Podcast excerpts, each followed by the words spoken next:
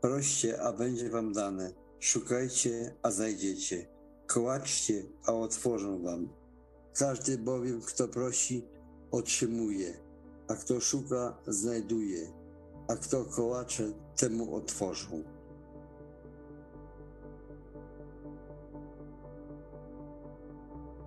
Oto ja posyłam was jak owce między wilki.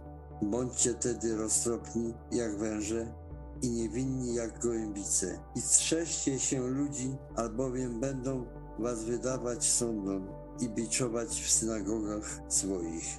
I z mego powodu zawiodą was przed namiestników i królów, abyście złożyli świadectwo przed nimi i poganami.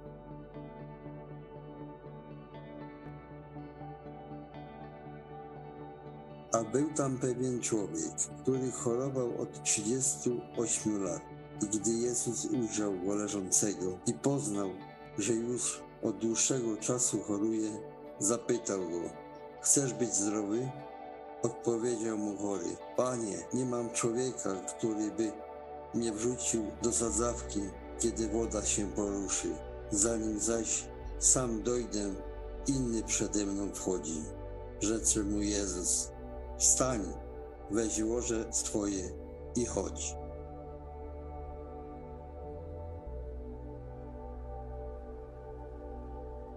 On odpuszcza wszystkie winy Twoje, leczy wszystkie choroby Twoje.